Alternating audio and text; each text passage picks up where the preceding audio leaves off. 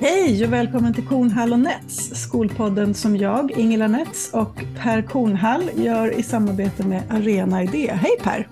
Hej Ingela! Hur är läget? Jo men det är bra. Vad härligt. Det börjar bli lite så här vårljus utanför mm. fönstret. Det gör människan gott känns det som. Ja. ja du, eh, vi, idag ska vi eh, träffa en person som eh, jag ska ärligt erkänna att första gången jag hörde den här personen tala sådär liksom live var för bara några månader sedan. Trots att det här okay. är en människa som har funnits i skolkontexten liksom i, i väldigt, väldigt många år i Sverige. Um, och jag läste en rapport för ganska länge sedan kom jag på nu, men, men det är en rapport som jag har använt oerhört många gånger. Jag vet inte om du vet om hur många gånger jag har använt den, Elisabeth. Det skulle nog förvåna dig, tror jag. Den du, ja, skriver, och dessutom lämnar jag ju ditt förnamn, så jag förstörde din, ditt intro där, Ingela. Ja. Eh, hon är professor i pedagogik med inriktning mot ledarskap, eh, medlem i forskningsgruppen STEP. Jag tror att man får använda förkortningen så, STEP. Vi tar det strax. Eh, leder en forskningsmiljö som heter Educational Leadership, hedersdoktor på Malmö universitet, har skrivit mängder av böcker, artiklar och rapporter.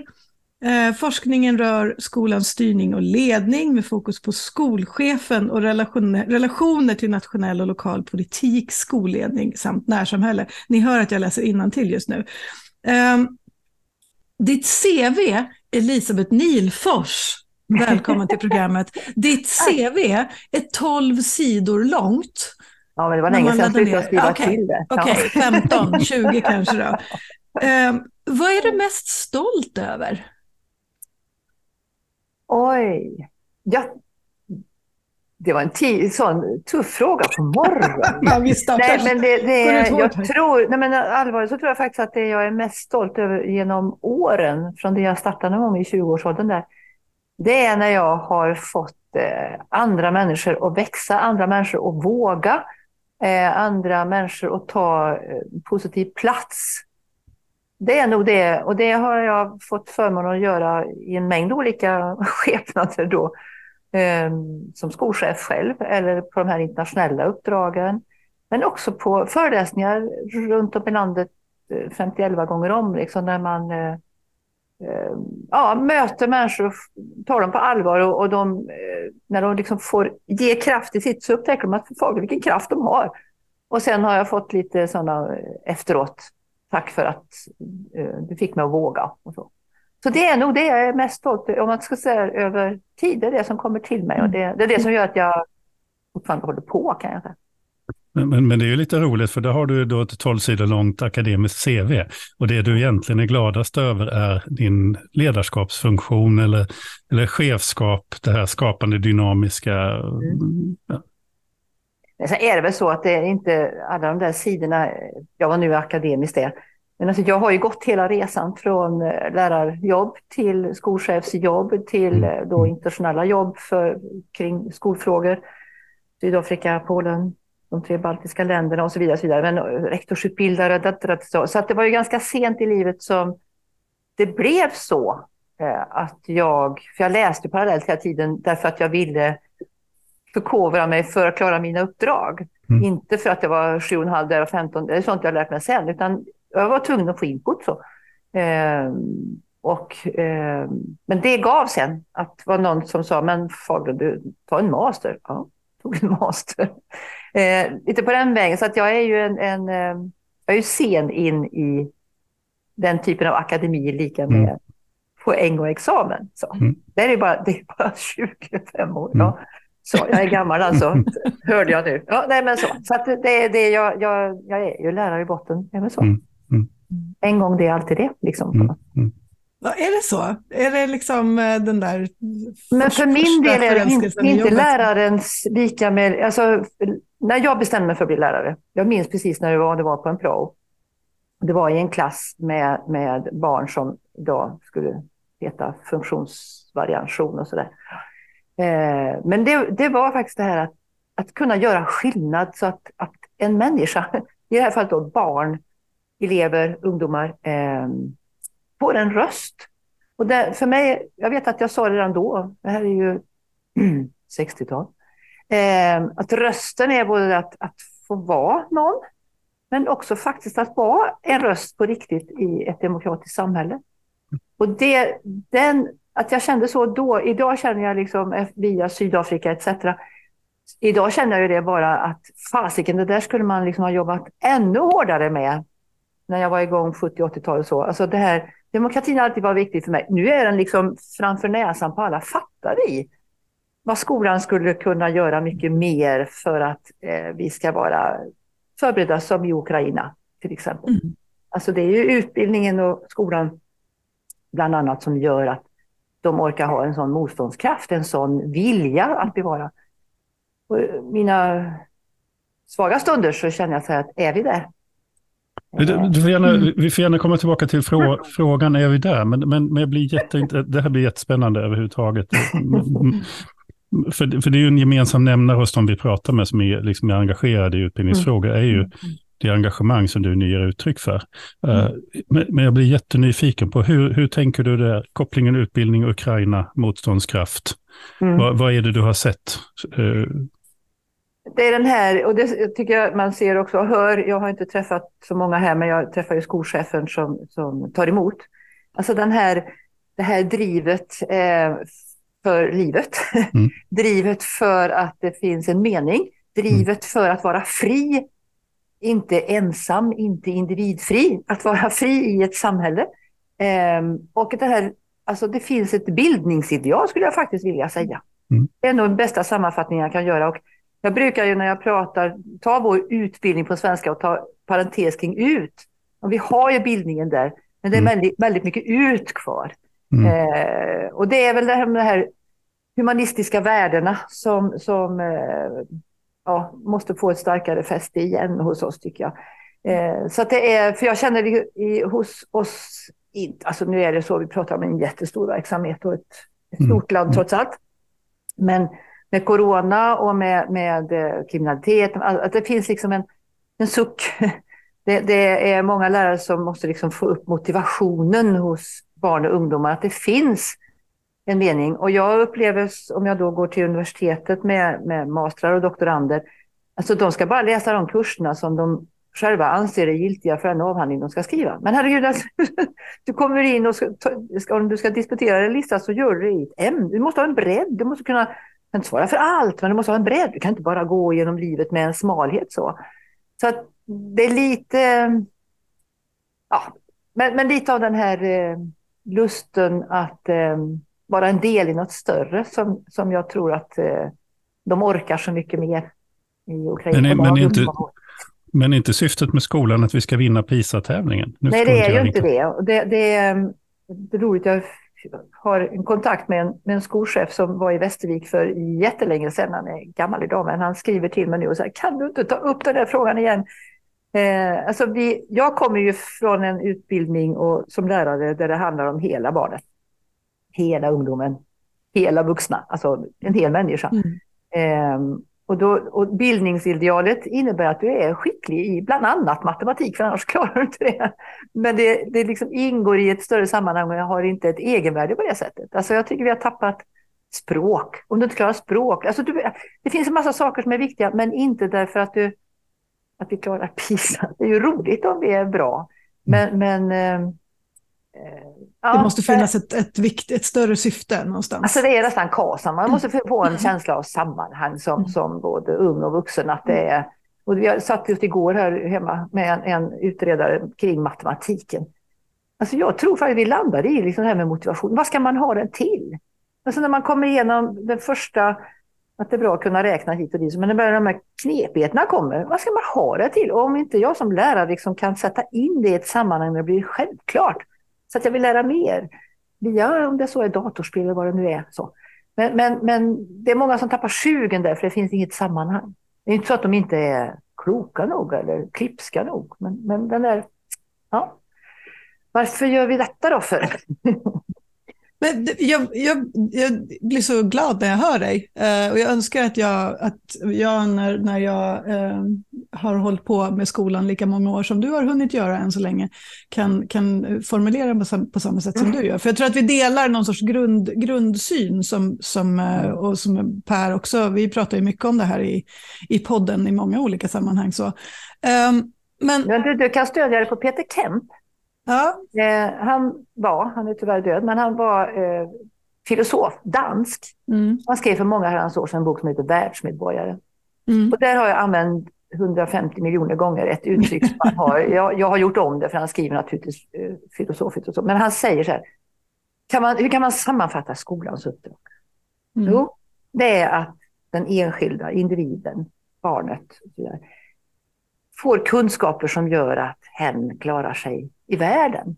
Samtidigt som hen får kunskaper som gör att hen vill hjälpa till så att världen klarar sig. Så, där var läroplansuppdraget. Mm. Exakt, och där var varenda grundskolas eh, sådana här liksom, eh, eh, regler för hur vi, mm. hur vi ska jobba och värdegrundsarbete, tänker mm. jag. Men det, det jag vill borra lite grann i, det är ju ändå mm. att, att jag, jag, tycker att vi är ganska många som pratar om det här. Mm. mm. Eh, och många som gör det med oerhört liksom, mycket på fötterna. Mm. Väldigt gediget på många sätt. Vad är det som gör att vi ändå eh, ständigt liksom befinner oss i skolans värld i någonting som, som vi tycker är för långt ifrån det här. Det är, det är som du säger, den här sucken av att oh, vi kommer liksom aldrig dit till den här helheten. Jag tror att, och det är en annan sån där, eh, där, jag, där kan jag liksom luta mig på vad jag har gjort i forskningsmässigt, att vi har fått en allt mer politiserad skola och det är ju decennier vi pratar om. Så det är liksom inte, inte nu och det var inte igår. Alltså, så det är liksom en långsam så. Ehm, där, för det är ju varför jag har varit och är intresserad fortfarande av ledarskapet. Det är ju den här balansen mellan det politiska och det professionella. Och jag själv eh, är en för, nu diskuteras det, men jag är för att vi har att vi röstar på de här, alltså till våra tre nivåer. Att vi har det här regionala, kommunala och regionala kanske jag inte vet vad jag tycker, men det kommunala. Alltså att det är en viktig del av vår demokrati. Ehm, och då är det ännu viktigare att vi har professionella personer som skolchefer och rektorer som kan eh, föra det samtalet på en professionell nivå, möta politiker som inte ska vara sakkunniga vare sig i vård eller skola eller vad det nu är, men har bara det allmänna drivet, det allmänna intresset. Alltså att, att mitt, mitt intresse, jag som röstar, också finns med där, eh, fastän barnbarnen har gått ut skolan. Ni vet, alltså, men alltså att vi finns med. Alltså, jag kan säga att jag, jag tycker att det eh, är viktigt att bevara. Men när, när, som vi har det på flera ställen, när man liksom det går in i det professionella och de professionella liksom försvinner bort, så, så då är det farligt. Och, men jag tror inte lösningen är att ta bort de, som, alltså, de här valsystemen. Men så det är en diskussion i sig som jag gärna skulle vilja ha. Den finns i en utredning som nu är remissbehandlad som Thomas Persson skrev om förstatligande eller inte. Där finns ju en liten diskussion om detta. Mm. Eh, ta bort eh, de förtroendevalda i kommunerna. Men så säger jag så här, varför skulle det bli bättre? Ja, det förutsätter ju att de professionella redan är där, har på fötter. Och nu kommer jag till min andra käpphäst som jag har en, en duktig doktorand som tittar på nu. Alltså, vad är det för beslutsunderlag som rektorer har för sina beslut? Mm. För att organisera sin inre verksamhet, vad det nu kan vara. Som skolchefer har, som har en annan doktorand på. Eh, så det är inga torrt knastrigt där med beslutsunderlag, men för där ligger värdegrunden. Där ligger vad det är för, alltså hur arbetar jag? Hur kan jag visa vad det är jag har gjort? Vad har jag för resultat? Och de kan vara kvalitativa också och får vara kvantitativa. Men jag menar, där är vi inte idag. Så att, ja, ta bort politikerna och vad, hallå, liksom, vad händer då? Eh, så någonstans nu är det för min del det här att, att eh, vi skulle behöva få tillbaka underifrån liksom, och upp styrkan hos professionen att, ja, för att använda dagens ord, inte för att dokumentera för dokumentationens egen skull, utan det här driven att jag som professionell, jag kan ha, jag skapar det här beprövade erfarenheten genom att vi eh, går in kollegialt, att vi vet vad vi håller på med, att jag kan svara för varför vi gör som vi gör, att vi kan diskutera. Och då är ju det här med att, att vara sin egen, alltså att lärare och skolledare måste skapa sin egen kunskap. Det är därför jag jobbar med ULF, utbildning, lärande, forskning, det här att man ska kunna forska, inte i sin egen praktik, men att lärare och skolledare ska kunna forska i sina tjänster, gärna hos någon annan och så. Så vi får fram det här, vad är det för kunskap vi bygger på? Mm. Och jag tror då, och komma tillbaka bara säga till då tror jag vi kan möta omvärlden, om den nu heter politiskt vald, närsamhället som helhet, vårdnadshav vad det är, på ett annat sätt. Så att vi måste få upp den här kraften. Ja, Peter. Men, men, men hur, hur för, att, för jag menar i någon mening så är det så att det blir från det blir en så här historisk resumé, Göran Perssons kommunalisering, vid friskolereformen. Det exempel jag skulle vilja lyfta som en, en, en rektor med historisk kunskap en gång liksom bara satte fingret på för mig. Och du kanske kan verifiera om det var sant eller inte. Men mm. bara ett sånt exempel att när J07 var ju en gymnasiereform som var färdig och skulle sjösättas. Och så bytte man politiskt ledarskap och mm. så skrotades hela den reformen. Alla, det fanns hela, hela, alltså man hade tryckt läroböcker på vissa förlag, alla lärare hade gått fortbildningar och mm. så. Men vad den här rektorn sa, som jag vill testa på dig, det var ju det att eh, det var ett helt unikt beslut. Man har aldrig någonsin tidigare i svensk skolhistoria rivit upp en reform på det sättet, eftersom reformer alltid hade varit mer förankrade mm. i någon mening. Alltså, det jag är ute efter lite grann, mm. du säger att vi skulle behöva bort någon, någon mening ha mer professionell styrning och samtidigt så mm. vill vi ha kvar naturligtvis de här demokratiska strukturerna. Men hur kan vi få politikerna att låta bli Mm. att använda skolan i valrörelsen, mm. om du förstår vad jag mm. menar. Ja, För det är, ju så frest, det är ju så frestande, eller hur? Mm. Ja, det, absolut. Ehm, och två, två tankar som jag får när du frågar så. Det ena är ju att det, skolan är ett sånt otroligt viktigt område. Så man, om man då är positivt lagd så säger man att det är, alltså, det är ju härligt att politiken är på. Så att, eh, vore det tyst så vore det fett. Så det är det ena. Men som det andra och som, som jag håller helt med om, liksom det här med att, att var kan liksom, politiken då finnas. Eh, idag är det ju så att jag tror att det är det här som vi börjar prata om. När vi inte pratar om skolans roll som samhällsbyggare, som bildningsinstitution, som den driven. Utan vi pratar om, du ska ha en timme mer matte i grundskolan för att klara PISA-resultaten bättre. Eller du ska ha mobilen hit eller dit. Alltså, det, det är en brist på, vi har hamnat i fel frågor. Och då så här, who to blame? Nej, jag vill nog inte blamea någon. Så här, det är att det är svårt att... Jag behöver hjälp att hitta det där som, som politiker vad jag ska prata om. Och de professionella måste se till att jag får stöd i att prata om det.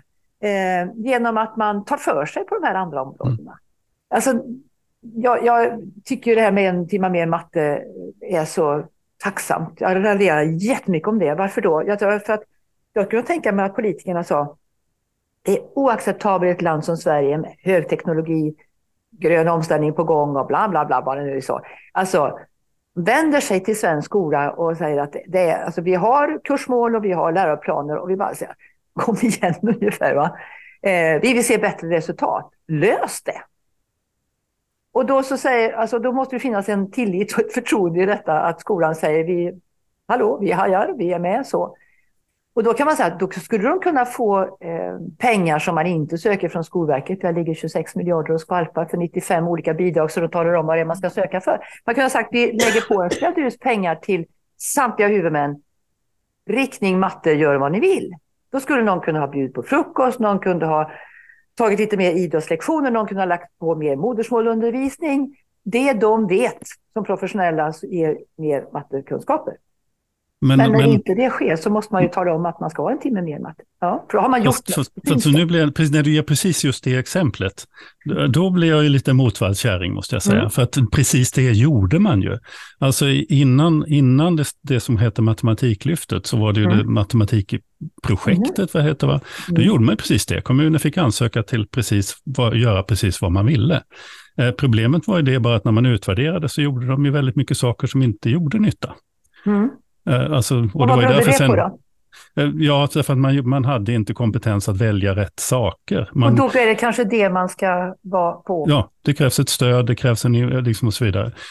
Så att, så att det är ju det är ju inte Men en så. Timma, en timme mer matte blir ju inte någon lösning på nej. det problemet som nej. du beskriver. Nej, nej, nej. Och det, det, här, ja, nej. och det snarare så, så att säga kunde man ge mer pengar till stöd, alltså till, till vad ska man säga, fortbildningar, eh, fortbildningsverksamhet till Nationellt centrum för matematikutbildning mm. och så vidare. och så vidare. Det finns andra sätt att göra det på. Men det, det är typiskt också för båda de här satsningarna att de är, sker i någon sorts politisk panik. Man vill visa mm. handlingskraft. Så är det. Ja, och, och då måste man göra någonting som svenska folket begriper vad det är man gör. Ja. Mm. För att det som, det som är det svåra i din inledande fråga är ju att det är svårt att beskriva vad det är om man gör så himla mycket olika, vilket man skulle behöva göra eh, runt om i landet i en politisk debatt. Det blir liksom inte slagkraftigt. Så det är, en, alltså det är inte så lätt. Och det kan man säga, hur slagkraftig är då skolchefen på sin nivå för att säga mm, vad det är man nej, gör? Exakt. Men jag tycker att du, liksom, grundproblemet är eh, det du lyfter upp då, att man har inte verktygen, man har inte kunskapen eller kompetensen för att hantera det som man behöver göra. Det är nog vårt grundproblem. Och då mm. kommer man tillbaka, vad, vad, alltså vad är det då för utbildning som rektorer får? För att klara hela sitt uppdrag. Mm. Hur lär man sig i denna utbildning som i sig är alldeles exemplarisk, men det finns ingenting om HR och konflikter och närsamhällets kris och arbetsmarknad och ekonomi i det som rektor möter varje dag. Jag tänker rektorer i förskolan som, som ju möter varenda nyanländ familj som aldrig har träffat på det demokratiska systemet. Alltså det utbildar vi inte för, utan det ska du lära dig själv. Alltså, och då kan man säga, nej men det är huvudmannens sak. Nej men vänta lite nu, om du har en statlig utbildning som säger att det här är en befattningsutbildning så har man talat om vad det är som behövs för befattningen. Och jag har aldrig delat den uppfattningen, även om jag själv har varit rektorsutbildare. Men så att någonstans skulle man gå till roten liksom och fråga, hur, vad ger vi för signaler till våra chefer, eh, rektorer och skolchefer då i första hand, att det här uppdraget faktiskt handlar om? Och vilka verktyg har skolchefer runt om i landet finns det flera som är ensamma och har en sekreterare. Alltså, alla vet, jag tror, som lyssnar på det här fallet, vad det är man håller på med. Allt ifrån skolskjuts till lokaler till att anställa lärare, få det gå brun, så Man är ensam. Så att vi ser ju liksom inte till vare sig kunskap eller kompetens. Plus att vi inte parar, och det, är min, det har vi ju, våra forskningsresultat är det här med vi har, lägger mycket ansvar här och där, men vi parar inte det med befogenheter. Och det innebär att vi, alltså vi odlar en form av, ja ansvar har jag, men, men jag har ju inga befogenheter. Ja, mm. så. Alltså mm. det blir lite, nu rycker jag på axlarna, det kanske inte syns i, i radio. Ja, ja, nej, men det hörs ju när du beskriver. nej, men hur som, ja, men precis. Men för det här, det tycker jag liksom det här att vi, vi förväntar oss en sak, men systemet är inte uppbyggt utifrån det vi förväntar oss. För då mm. har man befogenheter och det är mm. långt ifrån alla som har på många eh, håll. Och dessutom då en inspektion som tittar på det som är tänkt och inte på mm. det som är. Och så åker man dit och blir man ännu mer passiv. Mm. Eh, jag, jag, jag, jag, skulle vilja, för, för det som jag har använt ifrån från det, för, för det var ju det du skrev tillsammans med Olof Johansson en gång i tiden. Inte en gång i tiden, så himla länge sedan är det inte. Eh, men, men, men just när ni undersökte rektorers, och jag tror att man kan föra samma samtal om skolchefer, eller jag vet att man kan göra det. Och, och jag vill gärna prata, att vi pratar mm. några minuter om just skolchefsrollen sen, men mm. när det gäller rektorerna, så en av de saker ni såg var ju att de inte upplever, alltså det fanns en stor förtroendeklyfta mm. mellan rektorerna och nämnderna, de mm. politiska nämnderna. Mm. Och det blir mm. säkert motsvarande styrelserna i friskolorna, alltså om vi tänker samma strukturer. Det vill säga, rektorerna kände inte att de kunde påverka Nej. nämnderna och nämnderna hade inte förtroende för sina rektorer. Exakt. Och, och det där har jag använt, ska jag bara tala om hur jag använt det först, men sen vill jag gärna om du kan kom, alltså, knyta upp, hur kan man knyta mm. upp det? För det jag då har jobbat med när jag har jobbat med rektorsgrupper är ju, och skolchefer, då har jag ju verkligen sagt till dem att ni måste se till att rektorerna har möjlighet att träffas. Ni måste se till att rektorerna har möjlighet att prata, mm. alltså så att påverka verksamheten. Och mm. Det är de mest utbildade, mest erfarna människorna ni har i organisationen. Mm. Om inte mm. de får påverka de politiska besluten så seglar man ju Alltså det blir väldigt, väldigt konstigt om, om mm. ama amatörerna ska bestämma hur man ska segla från, från, liksom från Vinga, Vinga till, till Ulricehamn. Yes. Men det var liksom yes. så. Uh, så, för, så vad, vad, gör vi för att... Vad är det för fel i systemet som gör då att, att den här förtroendeklyftan, för det är också befogenheter. Mm. Rektorerna sitter och har ett, ett jättestort uppdrag, statligt uppdrag, och sen har de ändå en, de som egentligen är deras chefer och bestämmer över dem, litar mm. inte på dem och det mm. finns inga, ja, du förstår. Mm. Ja. Men hur löser vi det? Ja, det kan vi göra på följande sätt. Tack! Lyssna nu svenska folket. Ja. Precis. uh, jag tänker att um, vi, vi, när vi skrev, uh, det var ett, ett, stort forskningsprojekt och vi hade det nordiskt, det var lite intressant att få jämföra med Norden också, det du appellerar till nu, den här som blev en skrift på, på SNS där.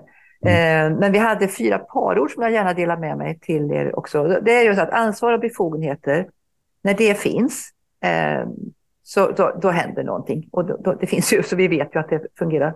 Så. Och också det här med kunskap och kompetens, det vill säga att man tar vara på den kunskap man har. Men då måste man jobba mot ett gemensamt mål för att det ska bli en gemensam kompetens. Det handlar om alltså, att ta vara på olika kunskaper. Eh, och det, det, tredje som blir av detta är att om, då måste man ha en kommunikation som mer snarare är en dialog. Och då menar jag en riktig dialog. Där vi lyssnar på varandra och i och genom vårt samtal så blir det någonting nytt. Va?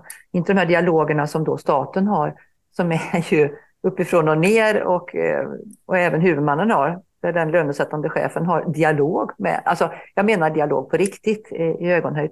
Ehm, då kan det växa fram ett förtroende och en tillit. Så, och det här finns det, vi pratar 60-40 någonstans liksom när det gäller ehm, då i den undersökningen för tio år sedan. Det då. Ehm, men det där är lite att fundera kring, för då när du kommer till det här med eh, jag kallar det för beslutsunderlag, det vi håller på med idag. Då. Men det är just det här att rektorer, för det första en ny utbildning då, va? men där också rektorerna, eh, precis som skolcheferna idag, lär sig att skriva fram ett beslutsunderlag till sin nämnd. Eller till sin skolchef, vilken nu nivå man nu är på. Som är Eh, alltså, ja, det är inte så himla märkvärdigt, men det är väldigt tydligt. Vad har jag för problem? Eh, alltså tydligt, inte en allmän så om allting, utan här på min skola är det det här som är problemet. Och hur vet jag det? Beskriva för du vet det. Har du nu gjort någon dokumentation eller vad du nu, alltså du har ju någon på fötterna, annars får du ta fram det. Det gör att du kommer fram till, vi måste göra någonting annat eller någonting mer eller annorlunda, bla bla bla. Jag föreslår det här därför mm. att och då får du hemskt gärna ha, så, så Ingela när vi småpratade lite här innan, att en, en fotnot eller en referenslista också på den här nivån, tack. Det vill säga, vi pratar om vetenskap, vetenskaplig grund och beprövad erfarenhet. Vi måste komma dit för att du ska få det här samtalet också med politiken. Inte för att slänga i ansiktet, men använd det här du har läst. Eller om du har beprövad erfarenhet som du har dokumenterat, systematiskt kvalitetsarbete, hänvisa till att det finns något, att du, har, att du vet, eller tror dig veta. Men du tycker men, inte bara. Då får men, du ett annat samtal. Men den typiska rektorn blir ju bara inkallad till nämnden en gång var tredje jo, år för att beskriva sin skola. Jo, ja, absolut. men så, ja. så det är bara frågan hur man då skapar ett system som gör att rektorer tillsammans, för också det är ju så att då skolcheferna, de, de står liksom i nämnden och hanterar det medan rektorerna och så. så. Så det är liksom på något vis att skapa ett system där rektorerna kommer väldigt, och det borde ju inte vara svårt i små kommuner, men man inser ju problematiken i större kommuner. Men... Ja, fast det är ju det som då, det är ju jättebra då, man, man kan ju använda vetenskapligt skolade människor människor som, det finns ju de som har lissat och doktorerat som, och det borde vara många fler då som är anställda som mm. lärare och skolledare. Mm. De tar naturligtvis och gör en syntes utav då, om man nu har 30 rektorer som jag hade när jag var i Botkyrka, 35. Mm. Då gör man en syntes av det, där det då till nämnden kommer ett motsvarande dokument. För så är det ju inte idag heller om vi tittar över alla huvudmän. Så är det inte så att de här allmänpolitikerna, eh, att de får ett underlag där de själva kan se hur kom de fram till detta? Utan det blir ett tyckande på många håll och då kommer politiken in, för de tycker också. Och då är det två tyckande, så det är inte ens fel att få träta. Eh, mm. alltså det, båda två måste ändra, men det är liksom, här finns det ju en möjlighet att... Alltså, det fanns en konferens och jag hoppas att den aldrig kommer tillbaka där man från Skolverket bjöd in skolchefer och rektorer och frågade vad skulle man göra med lektorer som man anställda. Ja, här är ett förslag. alltså, jag ska inte raljera för mycket, men alltså lektorer kan forska och de har ett vetenskapligt förhållningssätt som kan gagna väldigt många. Men det här är också ett område där man skulle kunna använda vetenskapligt skolade människor. Dra ut essensen av vår skola och på nästa nivå våra skolor eller förskolors verksamhet så att det blir ett gediget dokument, ett professionellt dokument till våra politiker. Jag är övertygad om att det skulle ge ett annat samtal. Och då handlar det om att ändra utbildningen för rektorer, eh, faktiskt öva på det här, där du tar in ekonomin som en, inte kamrerarens, utan att vi kan prata om att om vi investerar här i förskolan till exempel, på läs och matte och så, så kan vi dra bort ett antal specialare på toppen. Mm. Alltså att kunna hantera de här frågorna, då bör vi få en verksamhet som vilar på vetenskaplig grund och beprövad erfarenhet. Jag måste få, jag måste få slänga in en, en, en, eh, ett, ett vedträ till i den här brasan. Mm. Eh, kanske, eller troligtvis ganska mycket färgat av att jag har ägnat de två senaste åren åt att, att jobba i en ganska liten kommun.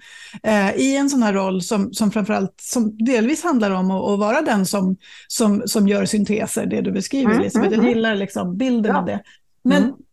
alltså min, min reflektion är att ja, nämnden och politikerna, eh, och de här liksom fritidspolitikerna som inte egentligen alltid har så jättemycket kunskap om just skolan, Nej. men har ett Nej. engagemang.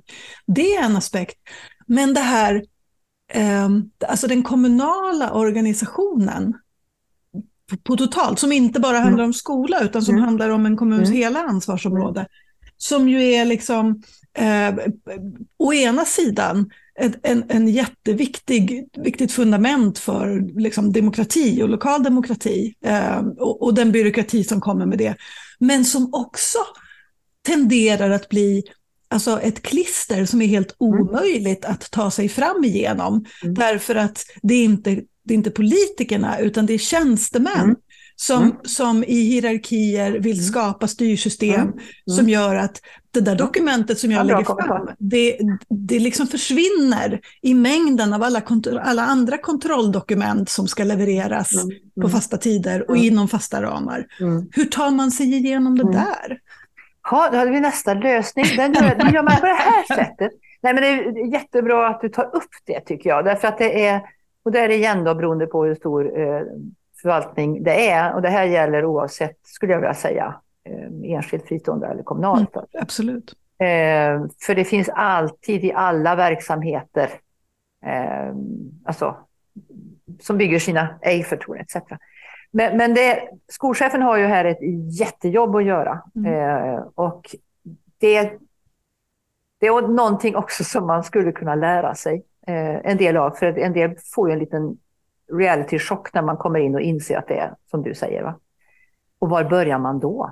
Um, och, om man inte är så brutal som jag var på min tid så, så alltså det handlar om att gå på i, i ullstrumporna. Mm. Men igen så handlar det om att skapa, eh, bjuda in till möten för att beskriva det för verksamhet man har. Alltså, det är någon form av inskolning på vad skolan är. För här möter skolcheferna den bilden som också finns ute i samhället, att alla inom förvaltningen tror sig veta vad det där är. Och det är bara en kostnadsdrivande, fast en väldigt bra inkomst också. Det är ungefär som lärarutbildning på universitetet. Drar in jättemycket pengar, men det är inte så kul att göra någonting åt det. Alltså det är någonting om att istället för att dra in det som en del av arbetsmarknads, socialpolitiken och annat, så är det där. Va? Mm. Men det, det, där är en, en, kamp och det är många rektorer också som säger att man känner att det inte är något stöd, och skolchefer också, att det inte är ett stöd den här eh, organisationer som finns, utan det är snarare bara som du säger, om den har klister eller svårt att ta sig igenom. Men det finns ju inga quick fix där, men det, det, jag skulle säga att det är okunskap och att det är eh, för, för, för, få före den här skolchefen, före dig, som har varit rakryggade och gått på och begärt att få tillträde till kommunstyrelsens ordförande, om jag nu är i kommunen, eller kommunfullmäktiges ordförande vad det är, och så att det här, tillsammans med min ordförande så går vi dit och säger att det här är inte acceptabelt. Alltså, vi kommer inte igenom eller våra frågor eller så. Det handlar liksom om att gå in i hierarkin och, eh, och då igen ha på fötter. Mm. Eh, inte att jag tycker att, utan vi har det här. Och det här behöver göras. Och det här drunknar för det kommer inte igenom. Men då går man högst upp. Det brukar fungera alltid. Om man inte vill gå ut i media, det vill inte jag. Nej, jag bara skojar. Men alltså... och då, det, kräv, det krävs ju en del mod för att göra det här. Och det är precis det, det som både rektorer och skolchefer ska mm, ha. Mod precis. och våga. Mod och stöttning av kollegor att också Alltså att våga experimentera, för det gör man inte. Man är så duktig. Mm. Det är vad vi får fram i mm. våra Och, och sticker man ut näsan så kan det ibland resultera i att man, att man uh, blir liksom... Åker man på vite? Uh, ja, eller att man, att man uh, inte är välkommen längre. Alltså man får, får byta arbetsgivare helt enkelt. Ja, och sen ska jag lägga till då att det finns åt andra hållet. Det var en sånt resonemang jag hade häromdagen också. Någon som frågade mig, där man byter rektorer så ofta. Mm. och då vet, det är, generellt över landet så är inte det så ofta. och, och alla chefer borde byta var sjätte år ungefär. Så. Möjligen kan några vara tolv, men 6-12 är bra, 7 är bra. Eh, så att det, det är, i den häraden så är det bra. Va? Men det är flera nu som byter för att få upp sina löner på den här nivån också. Och det tycker jag är, är oerhört ledsamt skulle jag vilja säga faktiskt. Jag mm. säger till dem jag träffar, du måste stanna sju år. Därför att det tar mellan fem och sju år, det vet vi oavsett verksamhet, att göra en förändring. Du kommer mm. in i en verksamhet, du lär dig den långsamt så att säga, och ser möjligheter att börja göra förändringar. Och så sticker du. Mm. Alltså snacka om att skapa ett icke-förtroende i en mm. organisation. Nästa rektor som kommer, alltså den tredje som kommer, eller skolchef, så säger varenda personal, oavsett vad man är, att armarna i kors och vänta tills det går mm. över. Mm. Och då, då är vi tillbaka till de frågor vi varit inne på. Var börjar detta någonstans? Alltså var, varför blir det som det blir när jag sköter mitt och stänger dörren eller när jag inte orkar att förändra? Tappade suga vad det. Så det är, igen, man måste göra liksom förändringar på flera håll samtidigt i ett system eh, för att det ska alltså, bli en förändring. Mm. Jag, jag, blir lite bekymrad här, därför att, för att hur fan ska vi kunna hinna prata om allt det jag vill prata om med dig? vi får nog göra fler avsnitt. Får, får börja någonstans, bara, bara, bara, inte som någon sorts romantisk tillbakablick, jag önskar att det var så igen och så. Mm. Men bara, man bara, bara stegar tillbaka till den mm. tiden då mm. faktiskt lärare och rektorer var statligt anställda. Mm. Alltså då var det ju inget svårt att vara modig rektor. Ja, det kan jag säga att jag inte delar din uppfattning då. Okej. Okay. Ja. För jag menar, du hade i alla fall inte det, för det vet jag ju. Eh, rektorer och sånt som, som jag menar, de vågar ju inte därför att de, de, alltså de är rädda för sina jobb. Alltså, det, och det får man ta i. Men, men två saker. Det, det, ena är det här med att, att eh, jag var ju, jag jobbade ju då också när det var den här statliga. Mm. Och jag, jag säger ungefär samtidigt, som, eller på samma sätt som jag sa med lokala politiker det här har jag debatterat mycket, att ja men jättegärna, sätt in allihopa i en stor eh, eh, central lönesättning, strunta i individuella löner och så kör tariffer. Eh, och det är bra. Men du är kvar i en verksamhet med, ihop med kollegor och med chefer och med, du blir liksom inte av med själva vardagens arbete.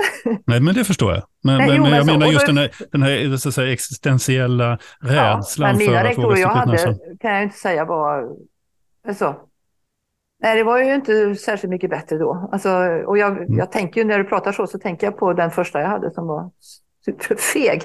Eh, alltså det är ju frågan om, om, om rektorer, är man rädd för att man ska tappa jobbet? Det är alltså, vi behöver whistleblowers, det är en problematik som man måste ta i på ett, på ett oerhört alltså, allvarligt, för det, det är allvarligt för, för hela, alla våra institutioner om det är. Mm. Men, men icke-modiga på det mer allmänna planet. Alltså det finns många som inte är rädda för sina jobb, som låter bli att göra saker. Mm. Min, min, min viktigaste liksom, mm. liksom poäng med det där är ju, är ju, egentligen, eller det som jag har, har jobbat med och som jag vill gärna testa med dig, det handlar ju om, om att man som rektorsgrupp måste uppleva en kollektiv. Alltså det är mycket lättare att vara modig i ett kollektiv. Absolut. Absolut. Och då kommer min fråga egentligen, och, och där kan vi bara vara eniga, men då kommer min fråga om skolchefskollektivet i Sverige. Mm. Mm. För jag tycker att skolcheferna, det är en roll som vi, och jag är glad att, att du finns och att det finns andra som, som, som tittar på det. Men, och för, för att de kan ju lätt bara glömmas bort, för de är ju egentligen mm. inte så många.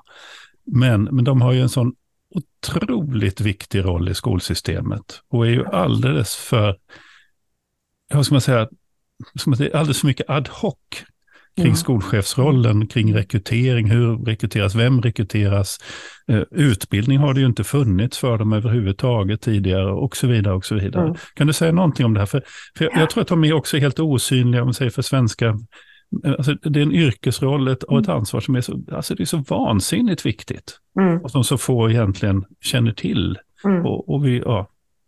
Ja, men jag, jag håller naturligtvis med. Alltså, jag var ju skolchef själv 87 till 94, det var just när vi bytte system. Eh, så det är också rätt intressant hur vi började 87 med att, eh, i Botkyrka eh, att det finns, finns inte ett sätt att göra skola på, även om den är totalstatlig. Eh, och jag förhandlade med länsskolnämnden om dessa basresurser som det hette och vi stod uppe i kommunhuset som nu alla i Sverige har sett hur Botkyrkas kommunhus ser ut, det gröna. Men där då länsskolnämnden sa att men den där skolan den slår vi ihop med den. Och, men hallå, det är olika kulturer på detta och de barnen kommer därifrån. Nej, men nu får ni det här. Och, ja, det var ju ett system som var rätt rigitt. Som gynnade vissa och missgynnade andra. Så att, det där statliga systemet vi fick, för jag tror att det, vårt problem idag kan säga, när det gäller förstatligandet, jag skulle önska att vi fick eh, statlig finansiering av skolan, där kommunen måste alltid gå in med ungefär 40-50 procent, det är inte det, men att man fick en stadig liksom, plåt, som man, mm. man, för det är där som bekymret är för våra små kommuner idag, mer än din anställningsform skulle jag våga påstå, men, men så. Men hur som helst, men, men då i det här med att, att skolchefen, sen har det funnits ett 30-tal olika titlar, själv hette jag under den här perioden biträdande skoldirektör, stabschef, jag vet inte allt så. Bara mm. det gör ju att, vem är det där? Så. Mm. Sen fick vi ju då, vi säger jag, jag bidrog till att försöka driva på att det ändå nämns i skollagen. För det togs ju bort då, eh, mm. där vid 80-talet. fanns 56 till 80, va? Så då, och då väldigt reglerat. Och sen försvinner det, fast människan finns där, tjänsten, positionen, och så tillbaka. Eh, och det, jag tycker också att det är viktigt, nu har det blivit så knäppt att man säger att ja, jag är ju förvaltningschef egentligen då, slash skolchef. Och så börjar man liksom med det här, vem är du och vad mm. heter du och så. Och jag tycker det är så synd. Eh, eh, men rektorernas chef, den som, jag säger att skolchef för mig är den som lägger fram underlag till en nämnd eller styrelse. Eh, så får du heta vad du vill, men så. Och nu har i alla fall Skolverket sin tvåårsutbildning där de verkligen, den är annorlunda. Alltså de, de utmanar dem med eh, Jonna Bornemark och Alvesson och en massa. Så de, först får de en liten chock, säger det här vad Skolverket tycker. Nej, vi tycker att ni ska tänka själva, ungefär, säger de. Så det är lite fascinerande tycker jag. Och jag tycker faktiskt då, jag som inte är någon sån här riktig ja, fond av detta stora skolverk, eh, att det är bra att de har det i den här starten. Därför att det, det, är inte moget heller ute på lärosäten och annat att ta hand om den utbildningen, för det finns inte forskning eller underlag att ha en utbildning. Så att, fine. Och eh, de har en advisory board och jag är själv aktiv i den då. Eh, men alltså att de försöker att ladda in det här att ställ dig framför gänget, var tydlig och examensarbetet är alltså att skriva fram det här tjänsteutlåtandet, vad man vill kalla det, om vad är det som behöver göras hos dig för en ökad likvärdighet. Skriv det till din nämnd och styrelse på det sätt som jag beskrev då tidigare. Och en del har aldrig skrivit sånt. Och en del skriver alldeles perfekt och en del har på fötter. Alltså det är en jätteskillnad runt om i mm. landet. Och det har inte med storleken på organisationen att göra. Det här har med den här individen att göra som har hamnat på den här positionen. Så ska man få en, en likvärdighet i, i ledarskapet där, eh, då ska man göra som du säger Per, alltså måste man börja diskutera vilka är det vi rekryterar, vad är det för krav? Eh, och jag vet inte, staten må väl sätta krav på vad en skolchef ska göra, men det borde kunna gå igenom att man också tar den här diskussionen rejält. Att det här är en, och då ska jag säga demokratins väktare. Det är ju mm. det som jag tycker är, mm, Lundqvist mm, hette han som skrev om det. Skolchefen är demokratins väktare. Och för att ta det vi sa förut också, det är liksom rektorernas röst som kommer via skolchefen och rektorerna ska känna det.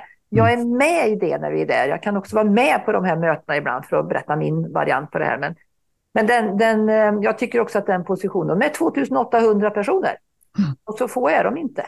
Mm. Eh, så där, där, finns någonting, men det är också att få närsamhället och eh, etablissemangets syn på den här tjänsten som en, ja, en maktposition mm. som man behöver förhålla sig till och som man ska prata med.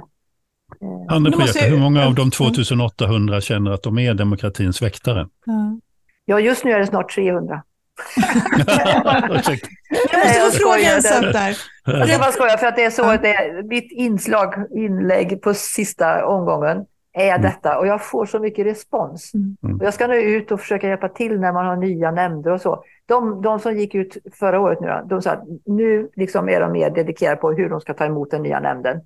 Mm. För att kunna hantera alla de olikheter, ingen nämnd och ingen glömd, som de har framför sig. Så, va? Nej, men så allvarligt skämtat. Men, men, men där, där kommer vi till något som är intressant. De riktigt duktiga skolchefer jag har träffat, mm. de, uttrycker sig ju för, de uttrycker sig väldigt ofta som att, ja, man måste, alltså, som att de hanterar den politiska styrningen. Mm. Inte att de jobbar i den, om du förstår mm. vad jag mm. menar. Inte, mm. inte så, utan de upplever det som att det är någonting som de måste hantera mm. för att kunna göra det som skolverksamheten behöver. Mm. Och det finns någonting där också som skaver i mig.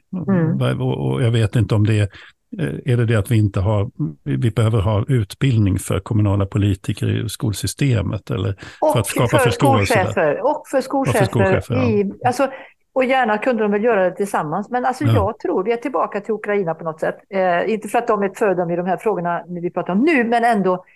Vad har vi för skolning i att arbeta demokratiskt? Alltså jag tänker på när vi som just nu pratar, jag tror att vi är såna här studiecirkelmänniskor, vi har, eh, som ju inte riktigt finns idag. Men, alltså jag är ju uppfostrad, jag, jag vet inte hur många studiecirklar, mm. både gott och lätt och så. Alltså det här med att jag har skolats in i, jag har jobbat fackligt och alltihop där. Så. Mm, mm. Men väldigt många har inte gjort det. Eh, och då tänker jag så här att det är inte så himmelens enkelt, vare sig som rektor eller skolchef, att plötsligt stå inför en då nämnd som då inte ska kunna min verksamhet, som är eh, liksom fritidspolitiker och kommer från alla möjliga håll, utan ska vara just allmänheten. Alltså, hur ska jag hantera det? Så att jag tänker att det, det finns en, en bildnings, en folkbildnings... Eh, mm. Folkbildningen behöver tillbaka i detta, att vi hittar liksom de demokratiska verktygen. Så att jag som skolchef, ja, jag, jag företräder som professionell vår verksamhet och det gör jag inför min nämnd. Eh, och de kan ha väldigt kloka synpunkter och göra det möjligt för mig att genomföra saker och ting. Inte bara Skolinspektionen som kan göra det. Som en del tycker om när de kommer så att de får lite mm. makt bakom orden. Det säger ju också någonting om va? Mm. Mm. När, när Skolinspektionen är ett stöd för mig, mm. då, kan jag, då skaver det hos mig. Men, ja, men jag det handlar få... lite om det, för, men bara, jag, snart Ingrid, bara, bara en fråga till. Därför att det handlar ju också då om, om mandat. Om du som statlig mm. skolchef är mm. demokratins eh, skinande riddare, yttersta utposten för skolans mm. demokratiska uppdrag, så har du ju liksom ingen, ingen makt om inte nämnden ger dig den. För att, därför att du är inte, du, det är liksom ingen, det är ingen chain of command här från det statliga men, uppdraget jo, ner. Alltså det skulle jag, nog ändå, jag skulle ändå säga att det, det, den lilla mening som står i skollagen som säger att du som skolchef ska se till att, eh, nu borde jag kunna citera, men alltså att regelverket följs säger jag slarvigt. Mm, mm. Vad är det för regelverk? Mm. Jo, men läs första paragraferna. Mm, okay. Det handlar om demokrati, allas rätt till en röst, allas möjlighet att växa så långt det är möjligt, för likvärdighet, kalla vad du vill. Mm. Det är mandatet. Det mm. ska du se till. Mm. Och det är ju det är ett häftigt regelverk som vi ska vara rädda om demokratiskt. Mm. Mm. Sen har jag en följdfråga av det, men ja, först innan jag släppa in dig. ja, vi kommer få svårt att hålla tiden idag. Um, nej, jag har två, två reflektioner. Den ena är mer så allmän. Jag tänker att apropå det vi pratar om, eller vi har pratat om och rört oss runt både kring rektorer och skolchefer. Och det du säger Elisabeth om att eh, behovet av att, att liksom våga vara lite slagkraftig och våga stå mm. upp för de här eh, idealen. Eh, och jag tänker, jag vill bara liksom placera någonstans liksom begreppet nätverk här, för jag tror att det är en sån otrolig nyckel för både rektorer och skolchefer, att, mm. att, man, att man har varandra i någon sorts eh, liksom kollegialt stöd. Så. Mm. Men jag tänker en annan aspekt, och jag, nu är jag kanske tillbaka i den där kommunala eh, klistret. klistret ja. eh, därför att jag, och jag, rätta mig om jag har fel, du har betydligt bättre överblick än jag jag tycker att jag ser och hör att allt fler kommunala huvudmän, stora som små, eh, går mot organisationer där man, där man liksom eh, klumpar ihop eller klustrar förskolor eller skolor eh, och så tillsätter man en liksom stor rektor eller överrektor eller vad man nu vill säga och så har man biträdande rektorer som, som är de, de liksom faktiska ledarna i verksamheten, på plats i verksamheten. Och jag tänker att vad man gör då är att man skapar ett mellanchefsled ytterligare under skolchef. Mm. Som dessutom då ofta, är min erfarenhet, det är inte alls säkert att det är skolchefen som står hos nämnden och pratar. Det är oftare förvaltningschefen som, mm. som liksom är nästa nivå, som ju dessutom kanske inte ens har skolbakgrund i alla sammanhang, mm. utan är en liksom typisk kommunal administratör. Liksom. Mm. Vad, vad gör det här med förutsättningarna? Alltså det där vågar inte jag uttala mig om, därför att Nej. det har inte jag på fötter. Jag kan ha åsikter, men jag har inte mm. på fötter på det. det. det. tror jag finns ett antal kollegor som ändå tittar på, mm. lager på lager. Eh, men det är ju, för det handlar ju om att det finns en tydlighet om vem som har ansvar och befogenheter. Mm. Det skulle jag kunna lägga i, i lådan så att säga. Mm. Och vilken form det sen tar sig, det, det, skulle jag vilja lämna öppet. Men jag skulle vilja mm.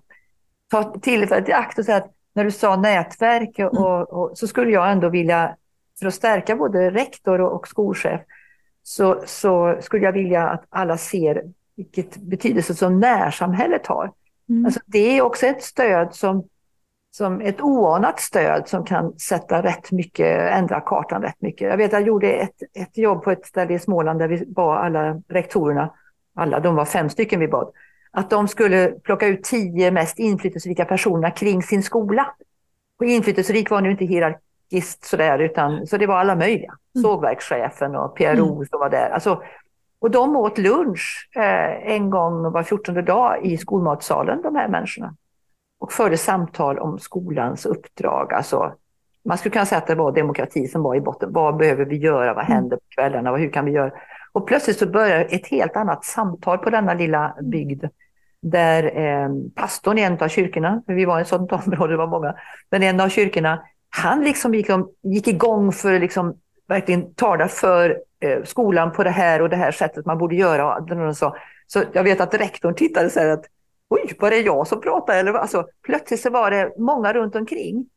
Eh, och sam, samma sak med skolchefen, att samtalet mellan husen som Peter Larsson säger som är regeringens samordnare uppe i Norrbotten och Västerbotten. Jag har ju gjort ett jobb där för IVA som, som eh, jag är rätt engagerad i. Jag tycker det är så viktigt. Alltså se när man ska göra den här gröna omställningen där uppe i Norrbotten och Västerbotten så måste ett helt samhälle vara på fötter. Eh, skolan är jätteviktig ihop med alla andra.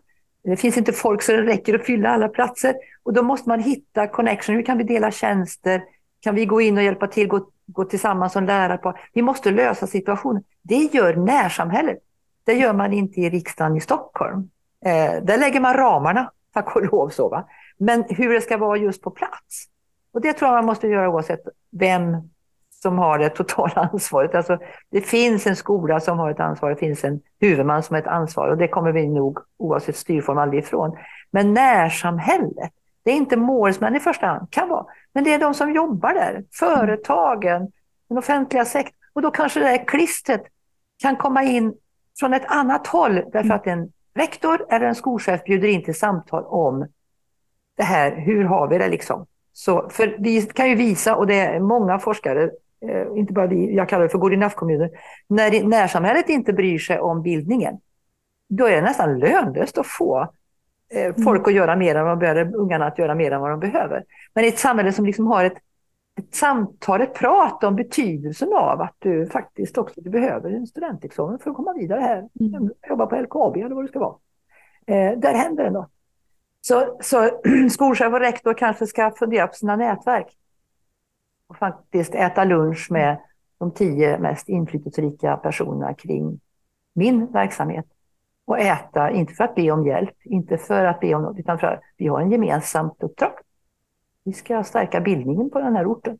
Vi ska det, där är, det är jätte, jag blir nästan rörd, Tina, för att det här handlar ju om att liksom vända, vända en kultur som man tror jag ofta som rektor och skolchef känner nu att man är lite, alltså det finns någon sorts ansvarsutkrävande från det mm. om, omkringliggande samhället för att mm. skolan förväntas lösa allt och vända det, ta mm. ansvar för och modet att liksom mm. vända det till någon sorts eh, gemensamt ansvarstagande istället. Ja, och det är väl lite så, vi ser ju det med alla dessa som kämpar eh, otroligt kring det narkotika eller om det är kriminalitet, eller det där blir det så väldigt synligt men det kan vara, alltså, ta också fullständigt så kallade lugna områden. Alltså bjud in och säg vi har ett gemensamt, det är våra gemensamma barn om man uttrycker sig. Några har liksom målsmän, inte det, men det här är vår framtid. Mm. De ska jobba hos er. De ska längta dit. Var är, vart ska de någonstans? Mm. Eh, de flesta kanske måste byta ort, men ändå. Mm. Ja, jag håller helt med. Samtidigt som om, om närintresset inte har, om närsamhället inte har det intresset, så har ju skolan fortfarande kvar sitt uppdrag. Ja. Alltså.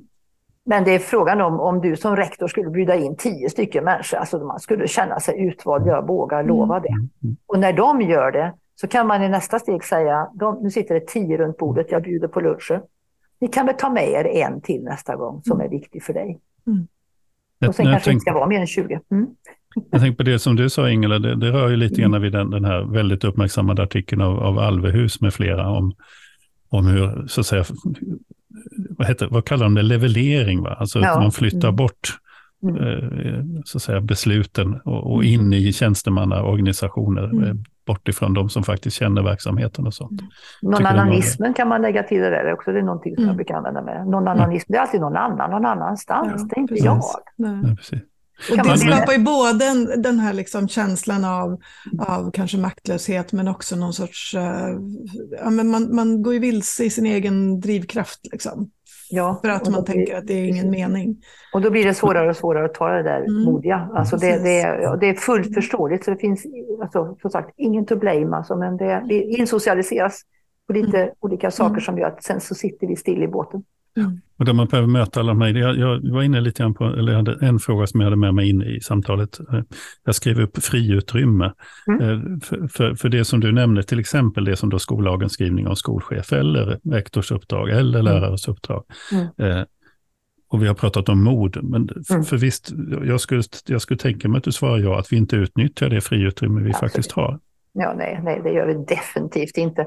Och det, dessutom så vi, vi, vi har haft som sagt decennier av att eh, ja, vara duktiga, säga, och inte ifrågasätta på något sätt. Och det är lite intressant för de som har gjort det. Jag tänker också på Skolinspektionens enorma liksom, inflytande som de ibland själva tycker blir lite läskigt att det blir så enormt. Man nog inte individerna som gör det, att det ska vara så. Va? Men det är ju så, en del väntar ju att göra saker till inspektionen och att därför slippa hänga sig ut.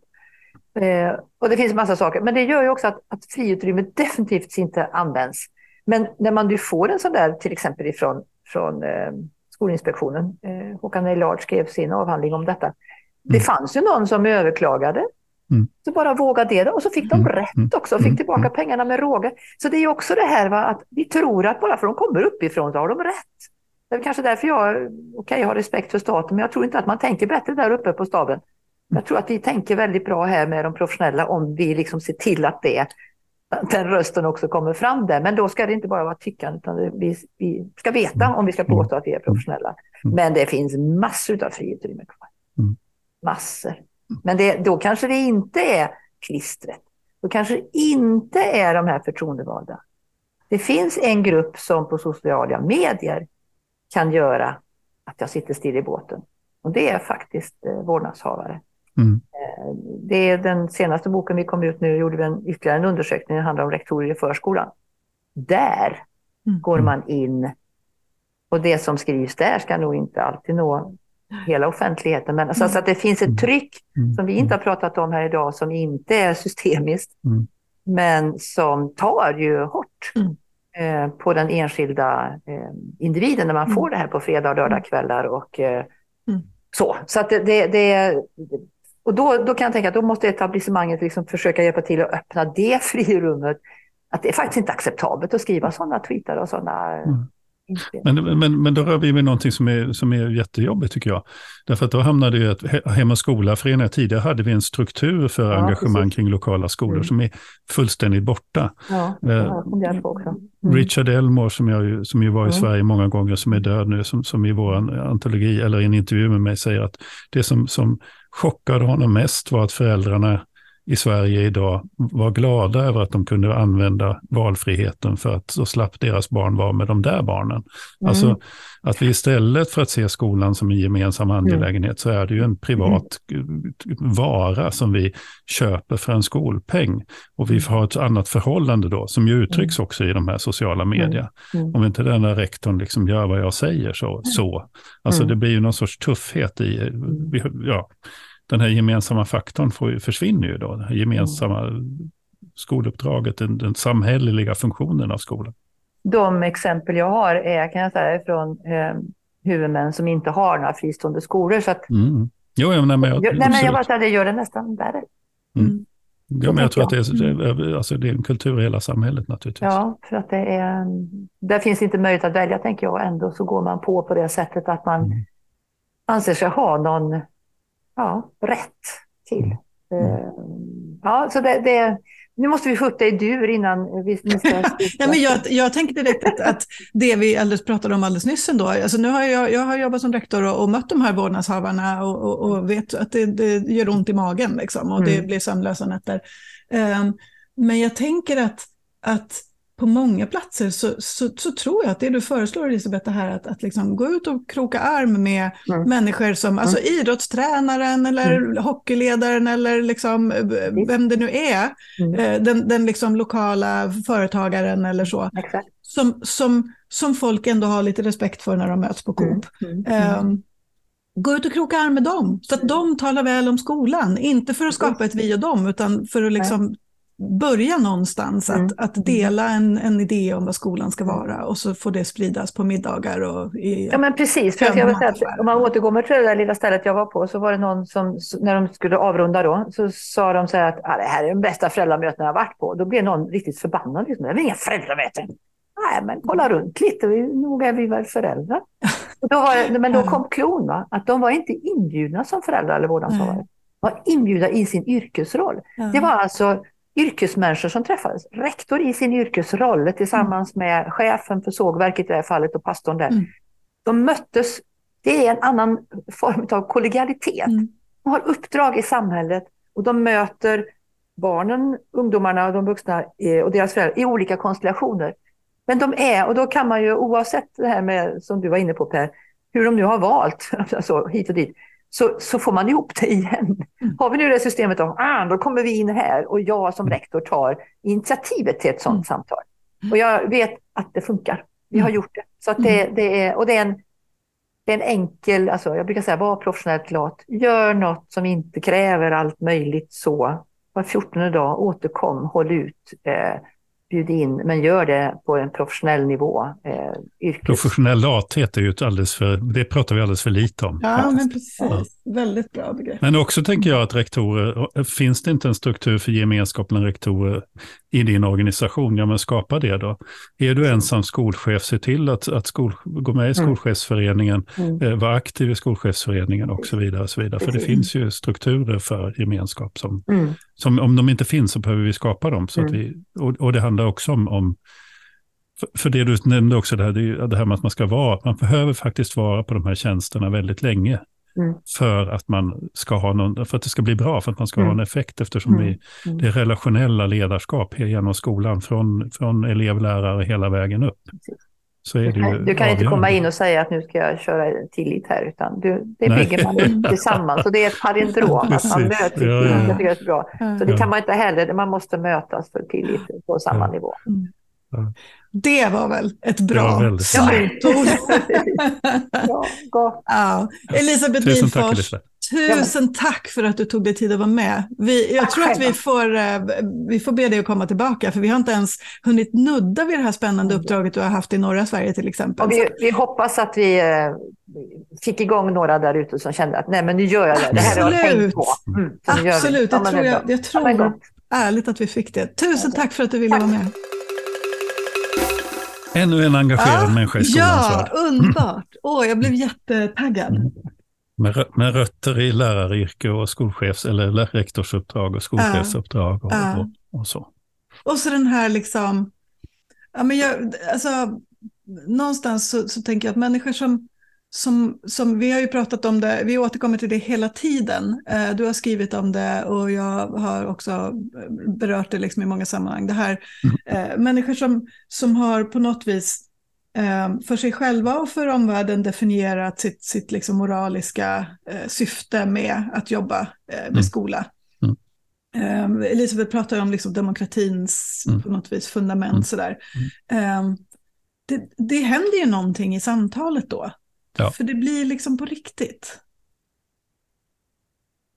och så är det häftigt att få, alltså jag känner att jag fick, jag fick med mig flera väldigt, väldigt konkreta verktyg som jag blir så här, nu vill jag gå ut och prova det här. Mm, mm.